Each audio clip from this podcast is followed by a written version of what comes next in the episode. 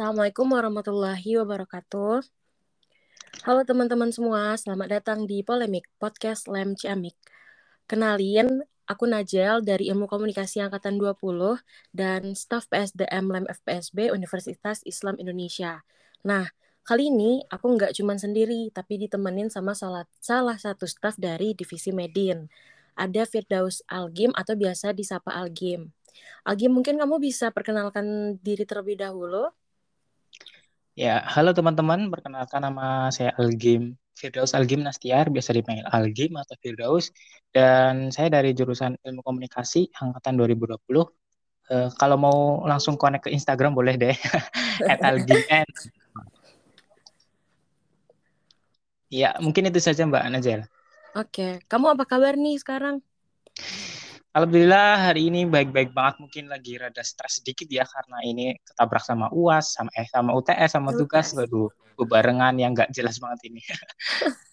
Berarti sekarang kesibukan kamu cuma kuliah aja nih ya karena stres sama UTS ya? Iya, betul sekali. Oke, kita mungkin langsung masuk ke pertanyaannya ya. Baik. Nah, sekarang kan kamu udah menjadi atau bergabung dalam keluarga LEM FPSB. Nah, aku mau nanya dulu nih, Kenapa sih kamu milih divisi Medin? Kenapa bukan divisi yang lain? Ya, untuk pemilihan divisi Medin tentunya karena di sini saya tahu ya bahwa divisi Medin ini merupakan uh, passion saya di sini. Yang pertama karena saya background saya adalah jurusan ilmu komunikasi. Kemudian memang saya dari SMK karena saya lulusan SMK multimedia di mana saya dilatih untuk menjadi di bidang industri kreatif. Maka dari itu media dan informasi di Medin ini merupakan uh, awal saya untuk mengembangkan skill saya yang sudah saya dapatkan di SMK. Memang dari awal dari SMK passion saya adalah desain dan juga videografi fotografi, maka dari itu saya yakin banget bahwa Medin ini cocok dengan saya, maka dari itu saya masuk uh, melalui uh, LM FSB ini melalui divisi Medin. Seperti itu. Oke, berarti kamu milih divisi Medin karena emang background kamu cocok ya. Karena dari SMK multimedia juga terus kamu punya skill di bidang desain gitu ya ya betul. Oke gimana sih persiapan kamu awal mula seleksi untuk masuk di LEM FPSB khususnya divisi Medin? Untuk awal seleksi tentunya saya mempersiapkan yang pertama berkas. Itu harus penting banget. Apalagi saya di bidang desain grafis saya juga perlu portofolio juga untuk membuktikan bahwa saya uh, ini adalah hasil karya desain saya. Kemudian setelah itu juga memang eh, hal-hal lainnya seperti syarat-syarat yang memang ditentukan saya juga persiapkan dan yang pasti percaya diri itu yang paling utama sih untuk bisa kita bisa lolos di seleksi tersebut seperti itu. Iya benar banget ya harus percaya diri apalagi waktu seleksi di bidang wawancaranya ya. Um, ya benar sekali. Kan sekarang udah masuk nih ke divisi Medin, gimana sih perasaannya waktu kayak keterima gitu kayak atau kaget atau gimana? uh, awalnya sih memang nggak nyangka ya bisa keterima maksudnya dari sekian banyaknya orang yang terseleksi gitu dari divisi medium sendiri. Memang awalnya memang dari dari aku pribadi ada rasa uh, terlalu pede gitu ya. Wah aku pasti bakal keterima nih bisa gitu. Cuma memang aku ada rada pesimis juga karena banyak banget yang daftar gitu. Terus juga saingan juga makin banyak kompetitor juga makin banyak. Tapi aku ya udahlah percaya diri aja dengan kemampuanku dengan hasil yang udah aku torehkan gitu dengan usaha yang udah aku uh, uh, lakukan gitu. Aku tetap aja uh, berusaha lah untuk tetap optimis seperti itu kemudian memang di Medin sendiri uh, enak sih maksudnya kayak kita juga sifatnya kekeluargaan gitu sama-sama saling sharing kalau ada yang kurang kita cover masing-masing gitu jadi nggak terlalu individualis sih memang selama ini kami kepala divisi kami juga uh, sangat baik kepada kami mengayomi kami dan uh, benar-benar melatih kami sebagai mentor lah istilahnya seperti itu. Oke, okay, oke. Okay. Berarti proses adaptasi di divisi ini nggak terlalu sulit ya buat kamu, khususnya karena kepala divisinya emang mengayomi banget ya. Iya betul sekali. Untuk masalah ad adaptasi kayaknya memang nggak terlalu uh, terlihat signifikan ya. Mungkin kita adaptasinya mungkin ketika kita mungkin sedang Zoom meeting bareng atau kita bahas-bahas proker yang akan kelanjutannya gimana atau kita bahas uh, tentang meeting bulanan gitu seperti itu mungkin adaptasinya seperti kita saling mengenal sama lain kita saling uh, follow-follow IG gitu seperti itu ah. sih penting ya follow IG kayak di masa online gini kan kayak iya, pengen kenal dari mana lagi gitu betul sekali mbak Oke, jadi tadi kamu kan sempat nyinggung tentang proker nih. Apa aja sih proker-proker yang ada di divisi Medin? Uh, untuk proker sendiri di divisi medis sebenarnya ada empat. Nah ini uh, berlaku untuk selama satu periode kita menjabat ya. Yang pertama ada company profile, yang kedua ada konten informatif, yang ketiga ada kaleidoskop, dan yang keempat ada update official account di Lab FPSP sendiri. Seperti itu Mbak. Oke, nah dari empat proker tersebut, yang mana yang paling sulit dan tidak terlupakan?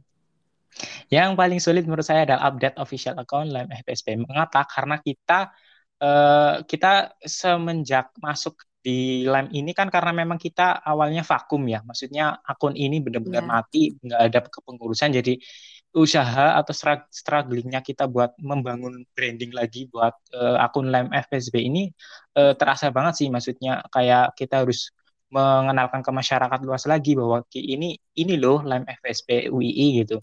Ini loh uh, akun Lime FSP UII gitu. Seperti itu kayak meningkatkan branding untuk update official account dan kini juga kita sedang mengejar project itu untuk membangun website. Ya tentunya ini untuk uh, sekedar sharing informasi ke halayak luas atau sekedar untuk menambah kesan formalitas untuk uh, di akun Lime FSB ini. Oke, benar banget sih. Kayak terasa ya divisi-divisi sekarang tuh lebih sulit karena uh, lem FPSB sempat vakum ya kan? Iya, benar sekali. Nah, setelah kamu udah gabung nih di, di, di divisi Medin dan udah lumayan lama juga ya kita udah ada di lem. Apa sih suka duka di divisi Medin yang udah kamu rasakan? Uh, sukanya tentunya itu sih orangnya asik gitu. Maksudnya nggak terlalu otoriter uh, kepala divinya juga asik easy going. Kalau misalnya nggak terlalu memaksakan kehendak dan uh, dari kalau misalnya mau desain kan kita juga harus nentuin sesuai mood ya.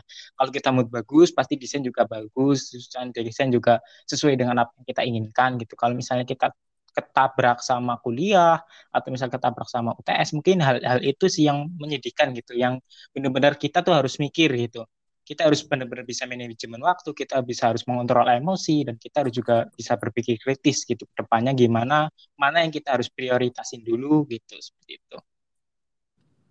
Oke, um, hal apa sih yang nggak kamu bisa lupain dari selama kamu udah jadi divisi Medin, bukan tentang prokernya ya, kayak kamu tuh apa sih kayak ada kejadian apa yang kamu nggak bisa lupakan selama kamu udah jadi divisi Medin nih?